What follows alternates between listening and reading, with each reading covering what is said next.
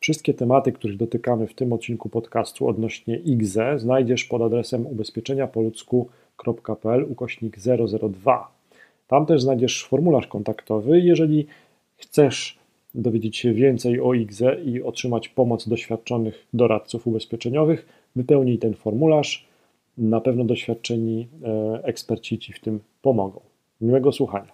Z jakimi opłatami wiąże się IGZE? Jak to możemy podzielić? Co możemy przewidzieć?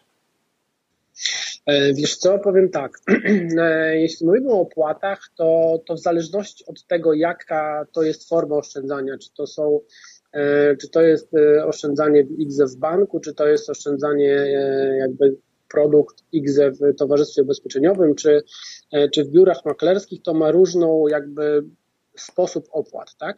To, co najczęściej spotykamy, to jest inwestowanie w fundusze inwestycyjne, e, i to zwykle się wiąże z opłatami. Gdzieś tam powiedzmy od 1% w górę, w zależności od tego, e, jakie to są fundusze. Bo znowu, te fundusze obligacyjne, one mają dużo, e, one mają niską, niski koszt zarządzania nimi. Aha. No, fundusze akcyjne mają wyższe, dlatego że to fundusze inwestycyjne czy, czy firmy, które tym się zajmują, wykonują więcej transakcji, tak? One te akcje kupują, sprzedają, one muszą analizować rynek, więc to jest, to jest e, trochę droższe, ale zwykle mieści się gdzieś to tam w przedziale od zera powiedzmy do maksymalnie 5% w skali roku, tak?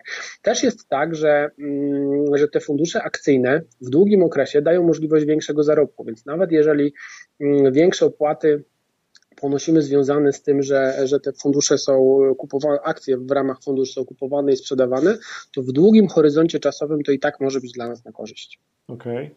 Czyli takie, te opłaty są związane tak naprawdę mm,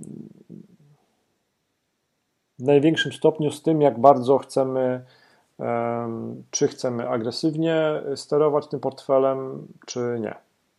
Tak, i z tym, i z tym, czy. Mm, jak dużo pracy ktoś ma do wykonania przy tym, przy tym naszym oszczędzaniu, tak? Okej. Okay.